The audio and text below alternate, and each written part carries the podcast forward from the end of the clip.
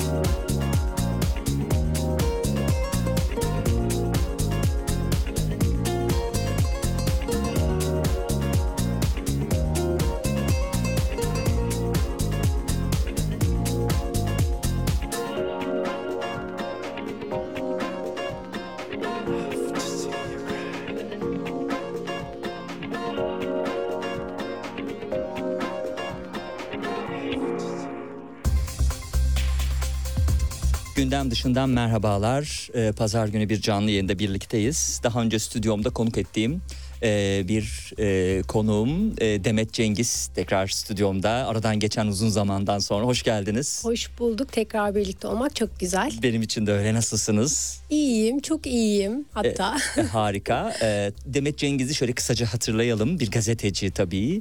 E, bildiğiniz gibi Marmara Üniversitesi İletişim Fakültesini 1999'da bitirdikten sonra Londra Westminster Üniversitesi'nde British Journalism Studies eğitimi aldı.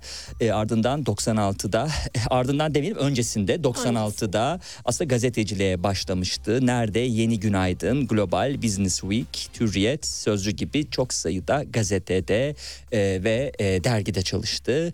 Ekonomi haberleri ve yazılarının yanı sıra yaşama dair de kalem oynattı. E, internet sitelerinde de yine yazılarını e, takip ettik. E, patronların DNA'sını çıkardığı kitabı Patron Çıplak ilgiyle karşılanmıştı ki bir önceki yayında onunla ilgili de konuşmuştuk. Asıl e, e, konu o olmasa da onlardan da söz ettik. Hayata dair denemelerden oluşan ikinci kitabı Turuncu Yazılarsa 2014'te yayınlandı. Patronlardan kulağa küpe önerileri, başarının sırlarını, pişmanlık ve şans faktörünün etkisini derlediği kitabı Patronca ise bu defa ondan iki sene sonra 2016'da yayınlandı. Yayınlanmış 5 kitabı bulunuyor. 6. kitabı ve ilk romanı adımı Deniz Koydular'dı ki e, adımı Deniz Koyduları konuştuk e, Evet. önceki kitapta. Doğru. E, bir üçleme olacağından söz etmiştik. E, üçlemenin ilkiydi. E, ikincisi e, içimde yanan nehri konuşacağız. E, ama tabii aslında e, onu konuşmaya gelmeden önce isterseniz o tarihten bu tarafa neler yaptınız onu da konuşalım. Araya pandemi girmiş miydi? Ee, Girdi değil mi? 2021 Temmuz'da e, yayımlanmıştı. Adımı Deniz koydular. Hem de Pandemiden Temmuz. sonraydı, E, yani evet. aslında pandemi devam ediyordu bir takım. Yani tam bir normalleşme yoktu. Birkaç ay sürmüştü o. Çünkü her yere maskeyle gittiğimi hatırlıyorum. Üniversitelere, imza günlerine. E, hatta pek çok insan da imtina ediyordu, gitmek istemiyordu. Bu, bu tür kalabalıklara girmiyorlardı. E, ama ben bir cesaret gösterip e, girmiştim. Adımı Deniz koydular. E, fena gitmedi. Ya tabii bir kitap iyi gitti gitmedi diye konuşurken hep e, işte ticari rakamları, tirajlarını konuşuyoruz, satış rakamlarını. E, onun ötesinde insanlarla kurulan ilişki var. Bence bir kitabın iyi gidip gitmediğinin en önemli kriteri bu. Hmm. E, adımı Deniz koydulardan sonra e, okurla kurduğum bağ e, o kadar güçlü imiş ki Hmm. e, bu beni ayrıca çok e, hakikaten etkiledi. E, işte hırpalanmış çocuklar, parçalanmış kadınlar e, dedik ve e, mesela sizin gibi siz de bir miktar gazetecilikten meslektaşım gibi görüyorum. Siz de e, yayıncılık yapıyorsunuz. E, ama ben bir röportajın ortasında hüngür hüngür ağlayan bir e, televizyoncuya denk geldim. Mesela yani Allah'tan e, kayıt yayın yapıyorduk. Çekime ara verdik. Başka bir gazetecinin yayının ardından birkaç bir şey anlatıp kendiyle ilgili e, yine gözyaşı döktüğünü gördüm ve bu tahmin ettiğimin üzerinde bir toplumsal meseleydi. E, ama tahminimin de çok üstündeymiş. E, bu bakımlardan e, hep çok yazarken de beni hırpalayıp canımı yakmış bir roman olmasına rağmen yayımlandıktan sonra da canımı yakmaya ısrarla devam etti. E, ama e, hep iyi ki yapmışım dedim. E, iyi ki bu insanların sesi olmuşum. E, Bundan cesaret alan insanlar da e, benzer hikayeleri anlattılar ki asla bulundukları sosyoekonomik e, durumlara yakıştırmayacağımız insanlar. Bu kitap öyküsünü susanlar için yazılmıştır. Sevilmemiş, acı çekmiş, acısını anlatmamış, anlatamamış, anlaşılmamış bütün çocuklara adanmıştır. Yazılmasaydı, adanmasaydı lal olurdum diye bir e, başlangıç yaptığı e, girişinde e, Demet Cengiz. kitapların e, yani adanma kısmını çok önemsiyorum. E, aslında o bir yerde son söz gibi yazarın okura söylediği ama onu alıp kitabın en başına koyuyorsunuz. Bu biraz ben şunu yani bunu şunun için yazdım e, demek gibi oluyor. Biraz e, old school bir şey. Artık e, çok fazla kitapların adanmadığını da görüyoruz. Ya da bir yazar 30 tane kitap yazıyor artık bir yerde tıkanıyor. Yani e, kedisine çocukluk Aa, hayali ben kedime, arkadaşına. Ben bu arada kedime adamıştım Öyle mi? kitabımı. Çok güzel. Profesörlük tezimi kedime adamıştım. o yüzden kedisine adayanlara bir şey söyleyeceksiniz iki kere düşünün. Yo yo asla asla ama hani böyle bir yerde tıkanıyorlar sanırım bu kitap adamalarında da. Ben bu arada bir anı kitabımı sana diyerek kim okuyorsa Hmm. ona adamıştım. Bir sonrakini de e, ben hep yazıyorum hep birilerine kitap adıyorum bana kitap adayan yok diye kıskanıp kendime adamıştım. Onu da bana diye yazmıştım. Ay, yani hani bu adamaları önemsiyorum. E, adres belli etmek için yapılan şeyler aslında. Birbirine hiç benzemeyen üç kişi. Kitaba Evet. girelim isterseniz konularına. Ameliyathaneden gelecek müjdeli bir haberi beklemekteydi. Gece yarısına doğru şiddetli sancılarla Deniz hastaneye kaldırılmış. Planlanandan birkaç hafta önce sezeryanla ikizleri alınmaya karar verilmişti. Yeşil kıyafetli birileri önceden açıklama yapmanın gereksizliğine değinip bir aksilik yaşanmazsa bebeklerin risk taşısalar da sağlıklı olabileceğini söylemiş ve soğuk ameliyathaneye girmişti diye bir e, giriş karşılıyor. Hem okuyucu için dinleyici için daha doğrusu bir hatırlatma yapacak olursak e, nerede kalmıştık bir önceki kitapta? Bu arada bir röportajınızı okudum. E, bir ikinci kitap ama birbirinden bağımsız da okunabileceğini salık vermiş röportajı yapan kişi. Evet. Biraz sonra kulaklarını çınlatacağım. Ay. Ee, işte üçten de başlanabilir. Üç çıktıktan sonra ikiden de başlanabilir ama e, ne diyordu röportajda? Yazarın ayak izleri. Biyanet miydi? Biyanet. Yazarın ara- ayak izlerini- Nilgün Karataş'ın evet. kritiğiydi. Evet, onun da kulaklarını çınlatalım. Çünkü Çınlatalım, röportajlarından yer yer faydalanacağım. Aa, çok Nilgün'ün. güzel. o Evet. ilk okurumdur da aynı zamanda. Hmm. Yani kitabı yayın evine teslim etmeden teslim ettiğim kişilerden biri. Ee, ben bu üçlemeyi yaparken deniz, nehir, göl e, sıralaması aslında bir miktar yani çoğunlukla e, aynı ailenin etrafında e, dönen hikayeler. Ama bunların her birini müstakil birer roman olarak yazmayı tercih ettim. Bir okura böyle bir sorumluluk yüklemek istemiyorum. Böyle bir zorunluluk hissetmesin. E, ikiden de başlayabilir, üçten de. E, ama tabii ki e, Nilgün'ün dediği gibi yazarın ayak izlerini takip etmek daha anlamlı bir bütün oluşturacaktır. Nerede kalmıştık? Adımı Deniz koydular da Deniz ve James'in öyküsü e, aktarılmıştı okura. E, Deniz İstanbul'un varoşlarında dünyaya gelmiş biraz kadersiz diyebileceğimiz e, bir e, karakteri temsil ediyordu. James ise batıdan bir karakter, e, kadersiz bir çocuk örneğiydi. Statham'dan değil mi? E, Stratham'dan, Ha, Stratham'dan, evet, evet. e, Stratham'dan E, ve e, onların öyküleri biterken Deniz e, hamileydi bu ortaya çıkıyordu. Yani spoiler olacak belki ilk romanı okumamış olanları ama bu kitapta e, Deniz'in e, doğumhaneye alınmasıyla başlıyor. Başlıyor, evet. Ve hastanede ona ikizi, e, kocası Hı hı. e, ve annesinin kuması eşlik ediyor ve e, ben de kendimi üçüncü tekil şahısa çevirip yazar olarak o, o masaya gidiyorum. Gece yarısından sonra bir hastane masasında, e, e, hastanenin kafeteryasında bir masa etrafında toplanan üç birbirine benzemezden iki tanesinin öyküsü anlatılıyor ve bütün anlatı da e, Happy Top'u 4-5 saat içerisinde yani roman 4-5 saat içerisinde geçiyor ama e, tabii ki e, biyografik roman özelliğinden de anlaşılacağı gibi geçmiş yaşamlar e, günümüze e, aktarılıyor, anılar e, anlatılıyor.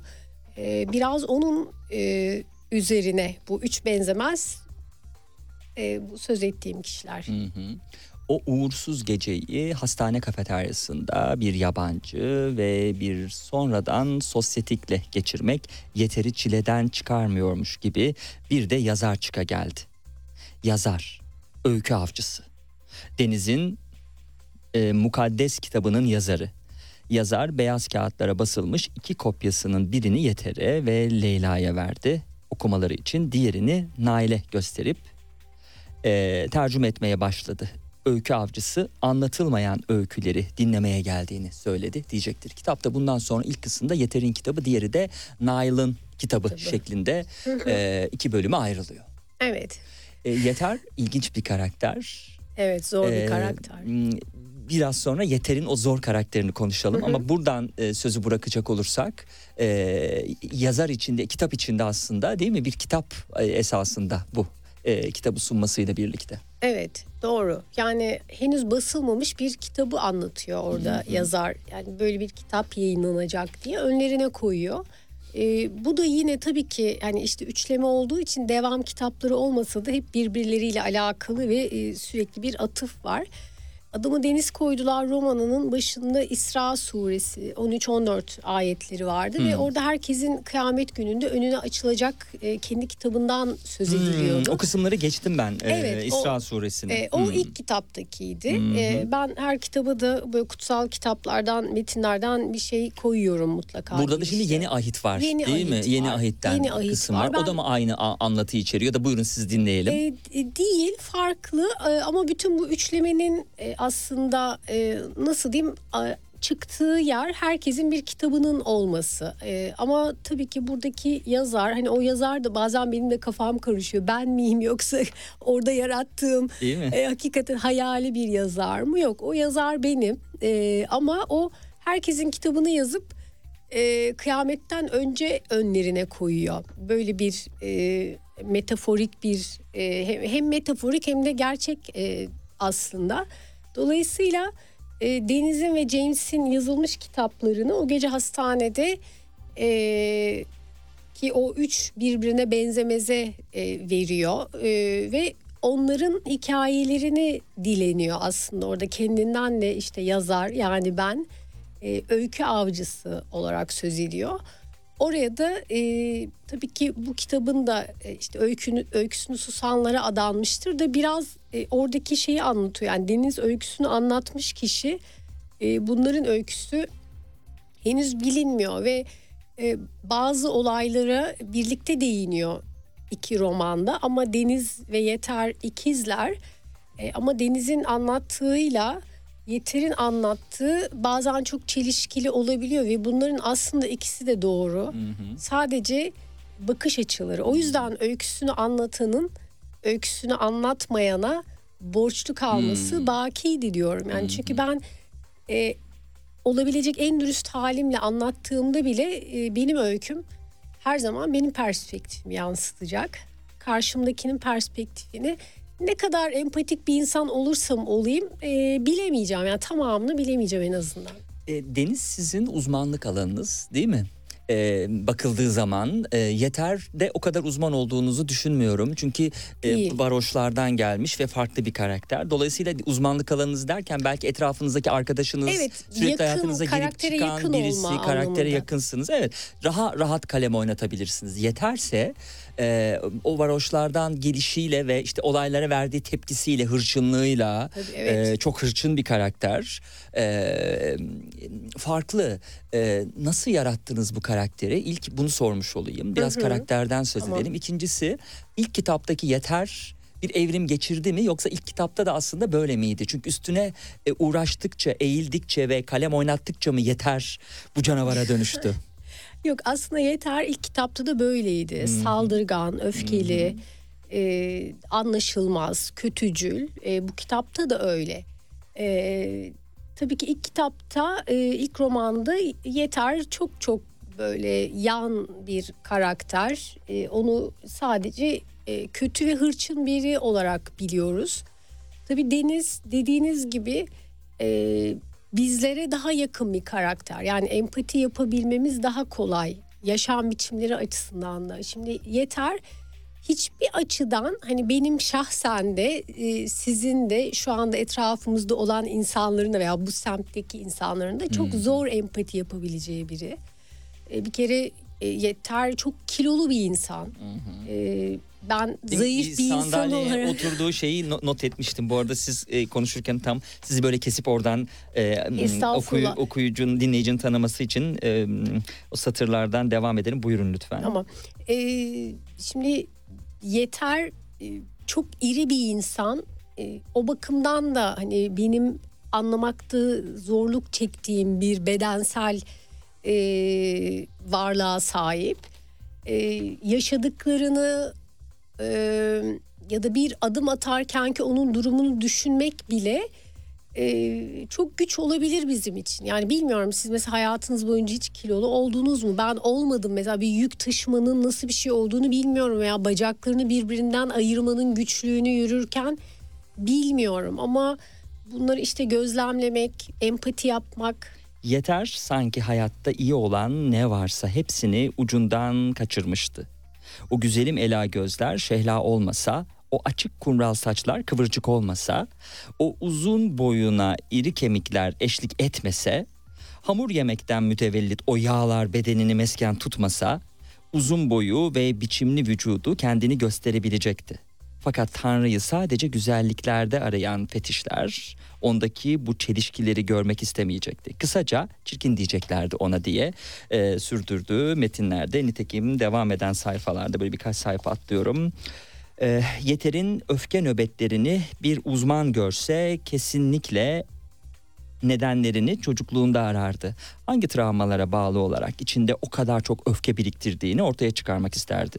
Dışlandığından söz etmişti yeter. Çocuklukta dışlanmak ileri yaşlarda sıklıkla öfke nöbetlerine neden olabiliyordu. Ya da çocukluk döneminde ilgisiz ebeveynlere sahip olmak, aileyle kurulan olumsuz ilişkiler, istismara uğramak, kendini ifade etmekte güçlük çekmek, kişiyi asabi bir bireye dönüştüren yolculuğun başlangıcıydı. Haksızlığa uğradığını düşünmek, anlaşılamamak, kendini ifade edememek, istek ve ihtiyaçlarını karşılanamaması, yalnızlık, kaygı, utanmak, sıkılmak, yargılandığını düşünmek, ayıplanmak, suçlanmak, umudunu kaybetmek, aşağılanmak ve kıskançlık kabuğu kırar, çekirdekteki öfkenin dışarı çıkmasını sağlar. Öfke ateş gibidir, yakıcıdır diye e, sürdürdüğü e, metinlerde. Ve son olarak e, doğup büyüdüğü Seyran Tepe'yi ve evlendikten sonra yerleştiği Ayaz Ağa'yı anlatacak olsa yoksulluktan, çarpık kentleşmeden çok her iki mahallede de sık sık çıkan akıl almaz yangınlardan söz ederdi diye sürdürecek. Yangınlara belki daha sonra geçeceğiz çünkü o başka şeylerin bir Evet. e, şeyi ol- olacak kitabın bütünü içerisinde.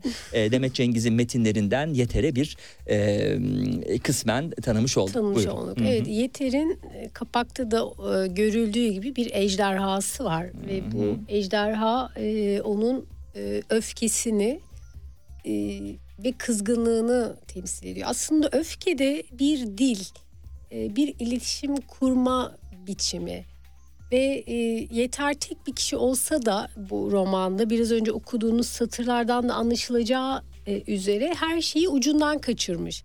Aslında iyi olabilecek her şey bir şeyler ters gittiği için kötü olmuş. Görüntüsüyle problemli biri, e, doğduğu yerle e, ilgili problemli biri ve bir de e, ikizi var. Hı hı. Onu son derece geçmiş gitmiş bambaşka bir dünya kurabilmiş kendine. Şimdi Deniz'in hikayesi e, o romanda oldukça trajik, e, dramatik ve neredeyse melankolik bir hikayeydi. Çünkü öyle anlatılıyordu. Ama sonucuna baktığımızda Deniz kurtulmuş biriydi. Mahalleden çıkan, kaderi değişen. Yeter mahallede kalan, kaderi değişmeyen ve kendini ifade edemediği için de insanlarla kurabildiği tek e, ilişki e, öfke diliyle e, ye- e, kurduğu e, kendine bir yer kapma. Çünkü Yeter'in o bütün iriliğine rağmen görünmez bir insan olduğunu fark ediyoruz romanda. Bu hem aile içinde böyle hem yaşadığı mahallede böyle. O kadar görünmeyen, o kadar e, görmezden gelinen biri ki öfkesi onun ben varım deme aracı aslında. Böyle iletişim kuruyor ve başka türlüsünü bilmiyor. Ve yeter bir kişi olsa da aslında bugün bizim toplumumuzda her an karşımıza çıkan o trafikteki öfkeli insan, işte kasada kuyruğu bozan öfkeli insan. Yani o bir yandan bizim bu toplumsal öfkemizi de e, sembolize ediyor Evet. benim için. E, paralel bir evrende acaba Deniz ve Yeter'in yerleri değişmiş olsaydı yani değil mi ne, ne olurdu sorusunu da aslında e, sormadan edemiyoruz kendi kendimize. Acaba yine Yeter aynı Yeter olur muydu? Ya ben, benim cevabım hayır ama e, bunu düşünecek olursak acaba ikizler yer değiştirmiş olsaydı ne olurdu? Bu çok e, güzel bir zihin jimnastiği. Yani ben insanların bazı şeyleri doğuştan getirdiklerine inanıyorum. Hmm, E, ama pek çok şey de öğretilebilir. Mesela e, düşündüğümüzün aksine sabır çok öğretilebilir bir şey. Geçenlerde bir bebek videosu gördüm sanırım iki yaşlarında. Ee, ve bir kediyi seviyor. Ve kediye şöyle hitap ediyor. Aşkım canım bak şu buruna bak bak şu ellere bak. Diyor ve anlıyorsunuz ki bu çocuk öyle sevilmiş. Ve nasıl sevildiyse etrafındakileri de aynı biçimde seviyor. Yani dolayısıyla e, karakterler yani ikizler yer değiştirse veya bu iki kişi başka ailelerde başka ortamlarda doğmuş olsalar tabii ki e, sonucun e, bu olmayacağını düşünüyorum. Yani çok farklı bir e, çünkü her ne kadar doğuştan bir şey getirsek de her birimiz yani bugün karşımda oturan siz, sizin karşınızda oturan ben hepimizin bir kendini inşa süreci var. Bir kısmına tamamen kendimizin katıldığı, bir kısmı bizim e, işte hatırlamadığımız, doğduğumuz andan itibaren anne kucağında geçirdiğimiz zamanlar. O inşa sürecini e, yok sayamayız zannediyorum. Evet. Şimdi gelelim e, kitapta e, Demet Cengiz'in e, böyle ilmek ilmek e, işlediği konulara doğrudan ya da dolaylı olarak aslında bize verdiği konulara değil mi? E, bunlar e, hikayenin bütünü içerisinde konuşulması olmaz. Aile içi şiddet. Ne dersiniz? E, azalma eğiliminde mi? E, bir toparlanma yaşayacak mı? Ülkemiz Türkiye açısından bunu ele aldığımızda neler söylersiniz? Aile kavramı e, genelinden aile içi şiddete e, vardığımızda. Bu aile kavramının e, daha önce de çok e, konuşma imkanım oldu ve iyi ki buna imkan oldu diye e, düşünüyorum. Ailenin tek başına yüceltilmesinin bir kere haksızlık olduğunu düşünüyorum. Yani hangi aile, hangi kardeş? Şimdi kutsal metinlere baktığınızda veya Sümer tabletlerine de aslında insanlar arasındaki ilk husumetin iki kardeş arasında çıktığını görüyoruz. Dolayısıyla e, böyle aile güzellemeleri yapılması bana e, benim adalet duyguma e, ters geliyor. Yani hakikaten beni incitiyor. Aile eğer iyi bir aile ise müthiş bir şey. Yani doğduğunuz yerde güven içerisinde, sevgi içerisinde yaşayabiliyorsunuz. Mesela bununla ilgili enteresan testler var. 1970'lerde e, Fransa'da yapılmış. E, kimsesiz bebekleri yani e, 6-18 aylık bebekleri hatta biraz daha büyük olabilir e, topluyorlar. E, ve tabii ki terk edilmiş çocuklar bunlar veya yeni e, anneden alınmış. E, ama talihsiz hamilelikler sonucu doğmuş bebekler de var. Yani onlar istenmemiş bebekler ama doğduktan sonra daha iyi muamele edilmişler. Ve bu iki bebek e, grubunun videoları var. Ee, sevgi gören bebekler hiç tanımadıkları bir ortama sokulduklarında etrafı birazcık inceliyorlar. O keşfetme, e, anlama arzusunu görüyorsunuz bebeklerde ama bunu güven içerisinde yapıyorlar. Çünkü doğdukları andan itibaren sakıncalı bir şey yaşamamışlar. Ee, tam tersi gruptaki bebeklere baktığınızda da büyük bir kaygı yaşadıklarını, etrafı e, olması gerekenden çok daha fazla incelediklerini görüyorsunuz.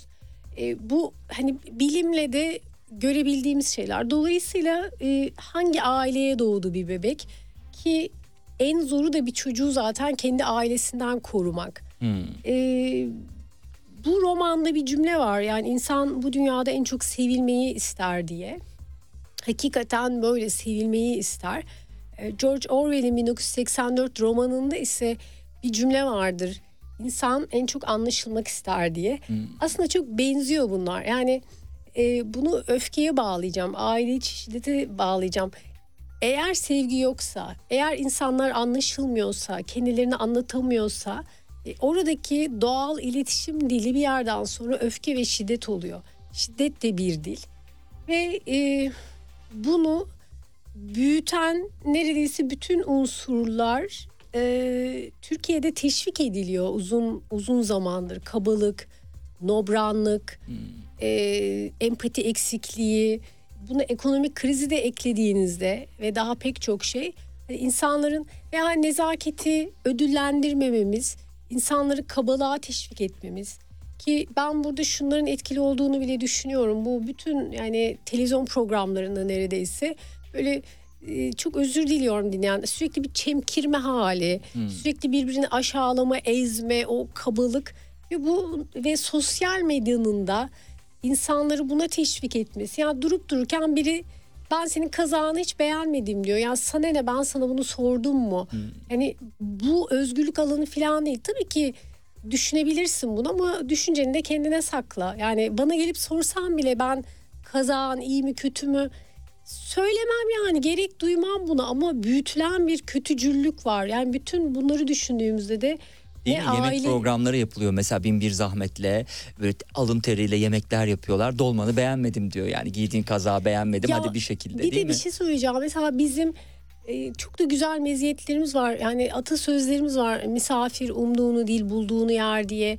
Yani biz hem misafirperver Hmm. insanlarızdır hem de misafir olduğumuzda terbiyeli insanlarızdır. Şimdi bu değerleri aldığımızda geriye ne kalıyor elimizde? Yani iyi şeyleri çok gerçekten ben bu anlamda çok muhafazakar bir insanım. İyi olan değerleri e, tutmamız gerekiyor.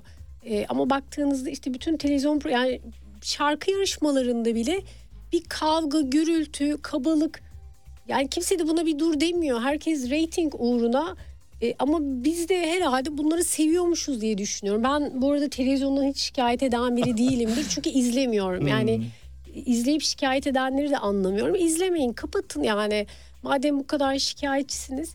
Ama bütün bunları üst üste koyduğumuzda işte Türkiye'de aile içinde veya dışarıda şiddeti azaltacak bir atmosfer yok. Zaten bu yüzden işte biri çıkıyor samuray kılıcıyı ilk önüne çıkanı biçiyor.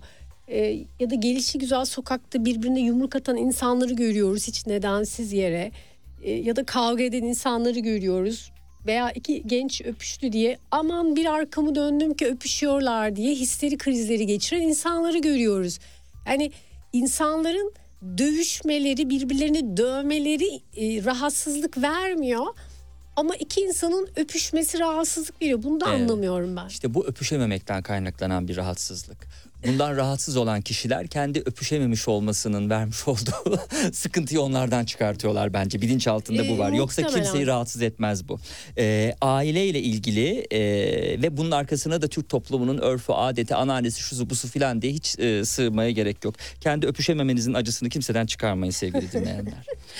Ee, sevgisiz büyümüş bir çocuğun öfkesi tabii yeterde var. Ama onun öncesinde e, Demet Cengiz'den alıntılayarak e, tam ailelerin parçalanmışlığından söz ederken ya da ailelerden bahsederken yüceltmenin doğru olmadığını söylemişken bazı aileler parçalanmış bile değildir. Çünkü herhangi bir şeyin parçalanması için önce yekpare olması gerekir. Daha önce asla bir arada olmamış bir şeyi nasıl parçalarsınız diye e, sorduğu cevabını bildiği aslında sormadığı ama dikkat çektiği satırlarda Demet Cengiz. Evet.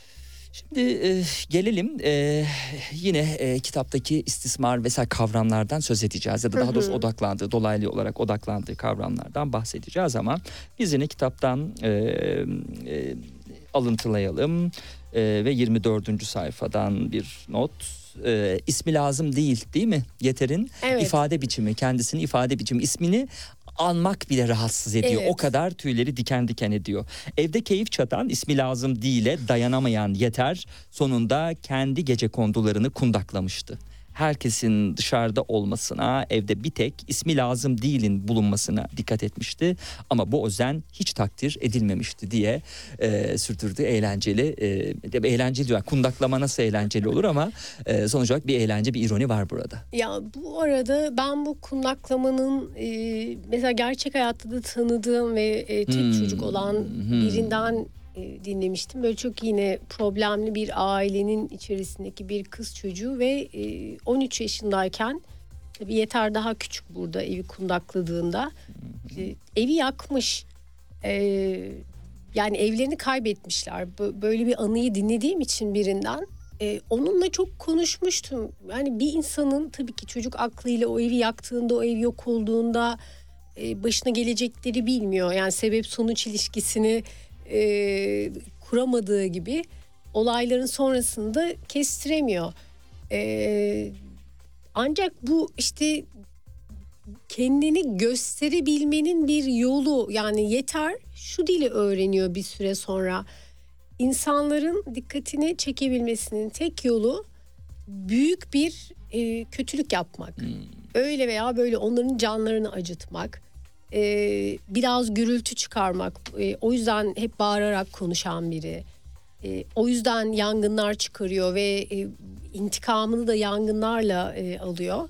Ki kitabın bir yerinde de sokak kanunlarını Ha. yazıyor kendisi. Konuşalım mı? Tabii ki. İlginç. Sokak kanunları bir, birinci madde. Evet. Sanki böyle bunu demenizi bekler gibi apartta bekliyorum ilgili Evet, kısmı açıp. güzel oldu. Kimseyle göz göze gelme. Şimdi bu çok önemli. Yani aslında sosyolojik bir ben değerlendirme. yaşıyorum bu arada. Bu benim Hmm. kendi deneyimimdir Öyle mi? yani. Evet evet. Evet. Bir numaralı kural sokak kanunu kimseyle göz göze gelme. Yolda yürürken karşından gelenin sana yol vermesini istiyorsan yere bak. Yüzlerine bakarsan senden yol isterler. Yere bakarsan yol senindir. Sağdan yürü diye bir kural yoktur. İlk kural bu. Evet ben e, yürürken bazen metroda falan da oluyor. Böyle yanımdaki insanlar fazlaca yer kaplıyorlar veya üzerime üzerime yürüyorlar. Ben bunu biraz kendim yani minyonum e, ki ben kısa boylu biri de değilim yani 1.64 boyundayım falan böyle yani ama hep böyle üstüne üstüne gelme, yol vermeme.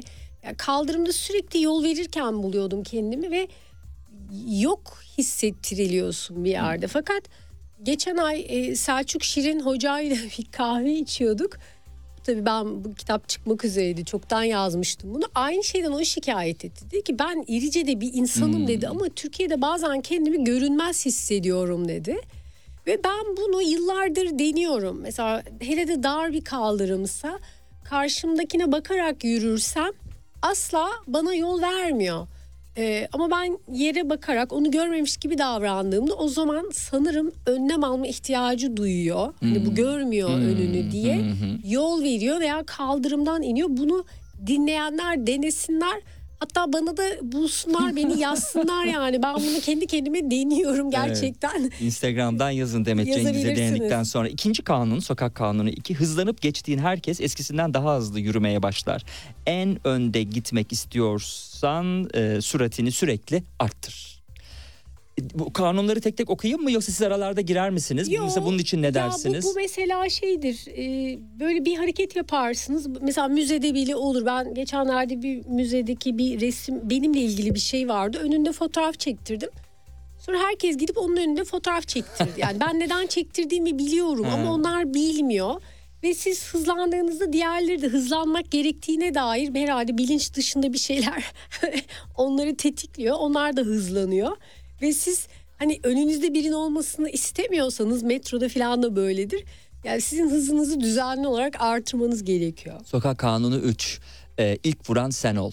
Ee, kavganın çıkmasını bekleme. ilk darbeyi indir, kavgayı başlat demiş e, Demet Cengiz. Bu gözlemim. Yani ben öyle çok kavgacı biri değilim. Yani sözlü olarak da kavga edemem. Yani o dili bilmiyorum, konuşamıyorum. Evet. Burada yasal mevzuat gereği bir romandan bahsediyoruz. Evet, Kurgu üzerine ki. kurulu bunu söyleyelim yoksa şiddet teşvik Tabii etmiyoruz. Rütük kuralları gereği. Evet. Gördüğümüz yani videolarda da böyle gerçek hayattan çekilip paylaşılan genellikle ilk vuran e, avantajlı oluyor. Evet. E, Bence ama bu, bu arada bilmiyorum gerçekten böyle bir kavga yaşasanız ne yaparsınız? Yine de kendi kanununuzu e, uygulamazsınız gibi geliyor bana. Benim karakterime uygun değil yani. Hani o zaten hani yazar zaten marifet orada hep kendini yazmamak. Yani Evet. şey başkası olarak yazmak. Sokak kanunu 4. Sesi duyulan haklıdır. En çok sen bağır ki yeter zaten bunu yapıyor. Yeter bunu yapıyor. Bu arada Türkiye'de de bunu bu Ha, oluyor. Yani gör- görüyoruz yani herkes sürekli bağırıyor. Hı hı.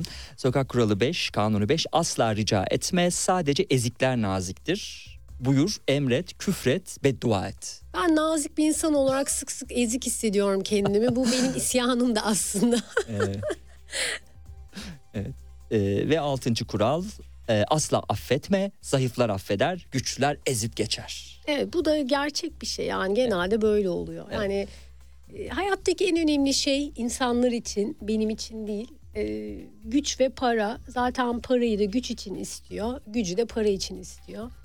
Dolayısıyla bunları yaparken de yani ne çok empatik insanlar ne öbürlerinin duygularını düşünüyorlar ne verdikleri zararı düşünüyorlar. Ee, eğer öyle bir yani mutlak bir başarı istiyorsanız hani yolu bu ama bu sizi mutlu edecek bir yol mu? Bence değil. Yeter'in kitabını yani kitabın birinci bölümünün artık ortalarından sonra e, ortalarına kadar bizi Yeter'le ilgili böyle dolduruyorsunuz. E, Yeter böyle etrafta gördüğümüz çok can sıkıcı tipler Hiç ama ondan empati sonra yapamayacağımız böyle bizi Evet. irite eden bir tip. irite çünkü. ama e, sonrasında yavaş yavaş aslında empati yapmaya ve e, Yeter'in neden böyle olduğunu da anlamaya başlıyoruz ki e, kendini suçladığı o olay hadi şimdi söylemeyelim Tamam. e, kendini suçladığı o olay e, daki o başlangıç yani neden eşlik etmediği o kişiye e, aslında böyle yeterli olan okuyucunun empatisini en üst noktaya çıkartıyor bence. Bence orada e, tabii ki bu e, aile içindeki e, küçüğün kaybı diyeyim. Hı hı. E, bu- bunun ne yazık ki çok örneklerini gördüm. Evet siz söylediğiniz için söylüyorum. Evet. O küçüğün e, ka- e, ölmesinden önce değil mi? E, aslında bir, bir- hediye bir çiçek mi acaba bir, bir şey almak için gitmeleri gerekiyor ama yeter kendisine de aslında bunun e, alınabileceğini ama a- alınmadığıyla yüzleşiyor yani hmm, görünmez olmaktan bahsetmiştik ya tam olarak evet, ete kemiğe onun- bürünmüş onun şekli. görünmezliği ve e, aslında orada da e, vicdanı ve öfkesi arasında e, öfkesini seçmiş bir insanın ömrünün sonuna kadar e, vicdan acısıyla yaşadığını görüyoruz aslında yeterde. E, öfke ve vicdan arasında kaldığında insan bence yani kimsenin işine karışmak istemem ama sanki vicdan her zaman daha doğruyu söyler gibi geliyor bana. E, yeter orada aslında verdiği yanlış kararın e, pişmanlığını yaşıyor. Onun vicdani acısı bu.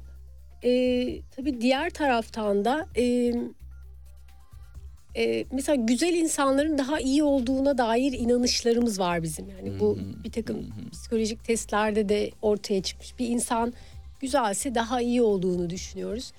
E, ya da işte bir mazlumun sadece e, ezik, sessiz, pısırık olabileceğini düşünüyoruz.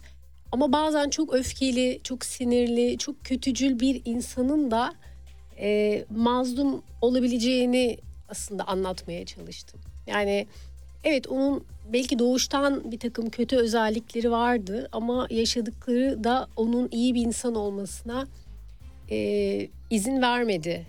E, zaten bir yerde de e, söylüyor bunu. Yani sadece cesurlar kötü olabilir diyor. Yani bu, bu da bence çok güçlü bir e, ifade orada o karakterin ağzından. E, sadece cesareti olanlar kötülük yapabilir diyor. E, tabii onun bazı şeylerde de kendine göre bir adalet anlayışı var. Yani birileri de kötülerin hakkından gelmeli diyor ki romanda iyilik paradoksu, kötülük paradoksu diye biraz e, onlara da değin- değiniyorum. Yani bir kötünün hakkından nasıl gelebiliriz? yani bazen işte o kötülükten daha büyük kötülük yapmak e, icap edebiliyor ve bu da herkesin yapabileceği veya iyi bir insanın yapabileceği bir şey değil ki bir yerde de yine şey diyorum hani her kahraman başka birinin e, canavarı katili yani bu e, süper kahraman filmlerinde de öyledir. Bir anti kahraman değil yani mi vardır? anti kahramana karşı savaşırken o da en az onun kadar acımasızdır. Ya, hatta işte bazen böyle kırılma noktalarında görürsünüz. Ne zaman onun kadar acımasız olmazsa oradan yaralanır sonrasında. Demet Cengiz'le içimde yanan nehri konuşuyoruz. İnkılap kitabevinden çıkan son kitabı. Varoşlarda kadınların elinde bedduadan ve dedikodudan başka bir güç yoktur. Yalanlarda uyuyan dayakçı kocaları bir an önce ölsün diye geceler boyunca dua ederler ve çok azının duası kabul olur diye sürdürdüğü yine e, vurucu, e, e, ilginç, Burayı alıntı- ironik alın- metinlerde. Evet, burayı alıntılamanız ya, çok hoşuma gitti. Bunu hı. söylemek isterim.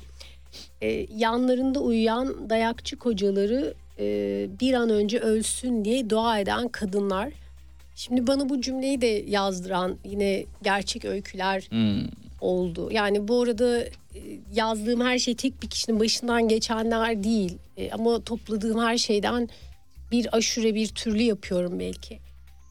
E, yani bilmiyorum mesela sizin e, yani bana bu çok acı geliyor. Sizi fiziksel olarak acıtan, döven veya psikolojik olarak size şiddet uygulayan biriyle uyumak zorunda kaldınız mı hiç? Hmm.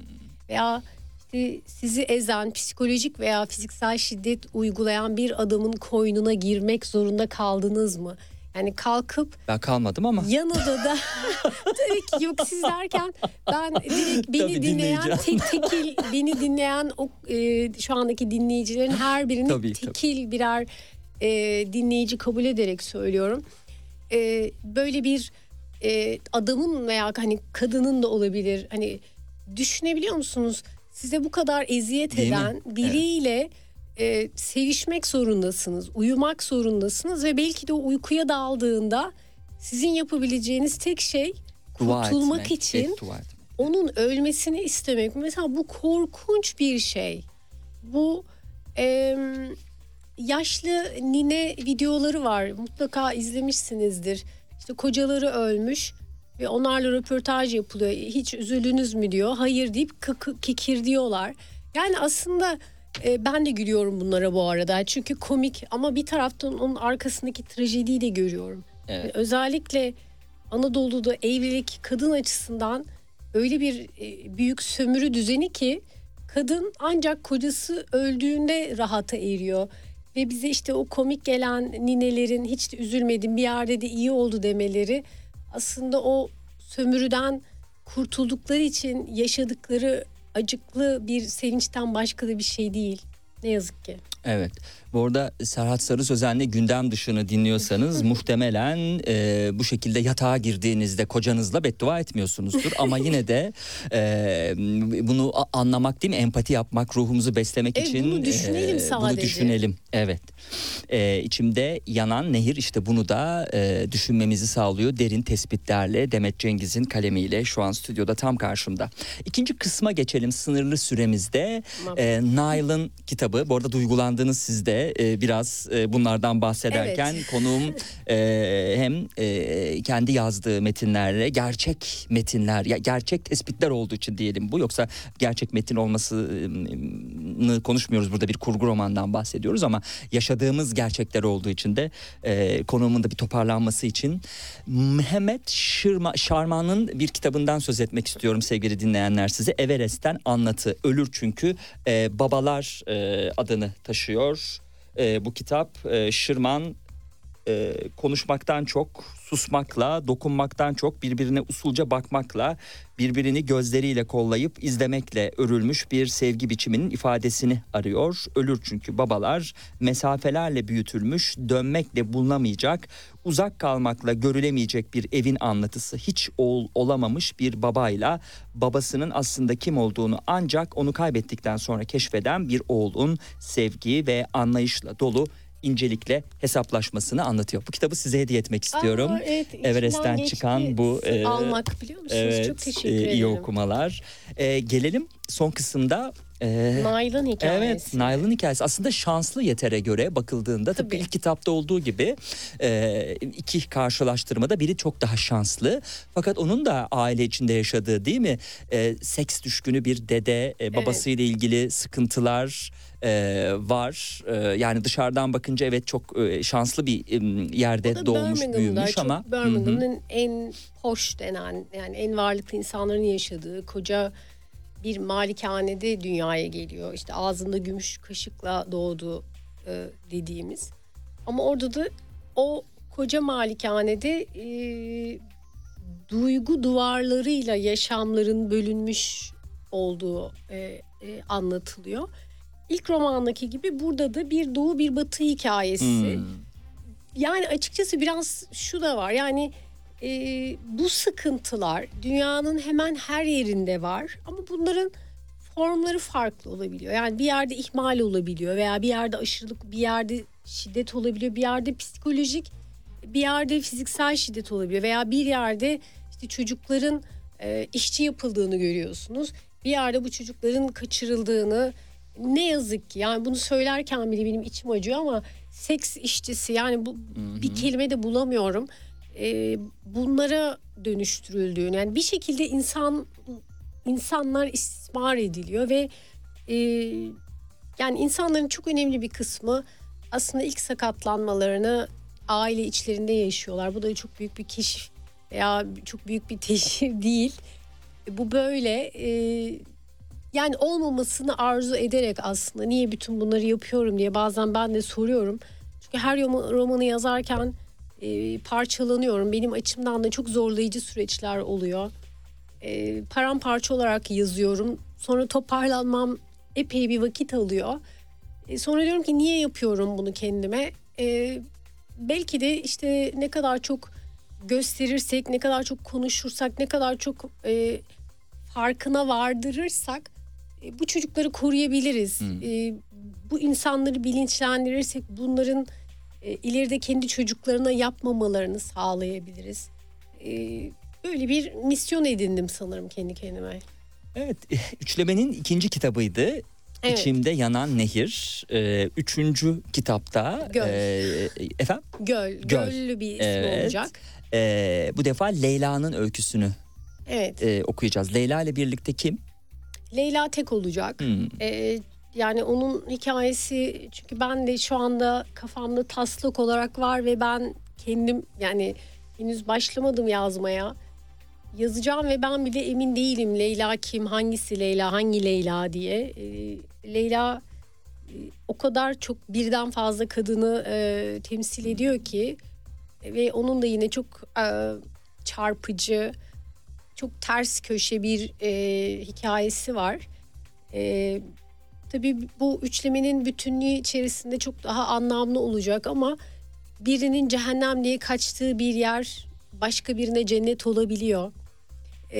Hayat çok ilginç. Gerçekten çok ilginç. Hayat çok ilginç sevgili dinleyenler. Dakikalar içerisinde size ilginç konulardan derlediğimiz günün gelişmelerini haber merkezimiz aktaracak. Ee, bizse ikinci kısımda yeniden birlikte olacağız sizinle. Teşekkür ediyorum geldiğiniz için. Ben teşekkür Bir saat ediyorum. bitti. Evet inanamıyorum çok çabuk geçti.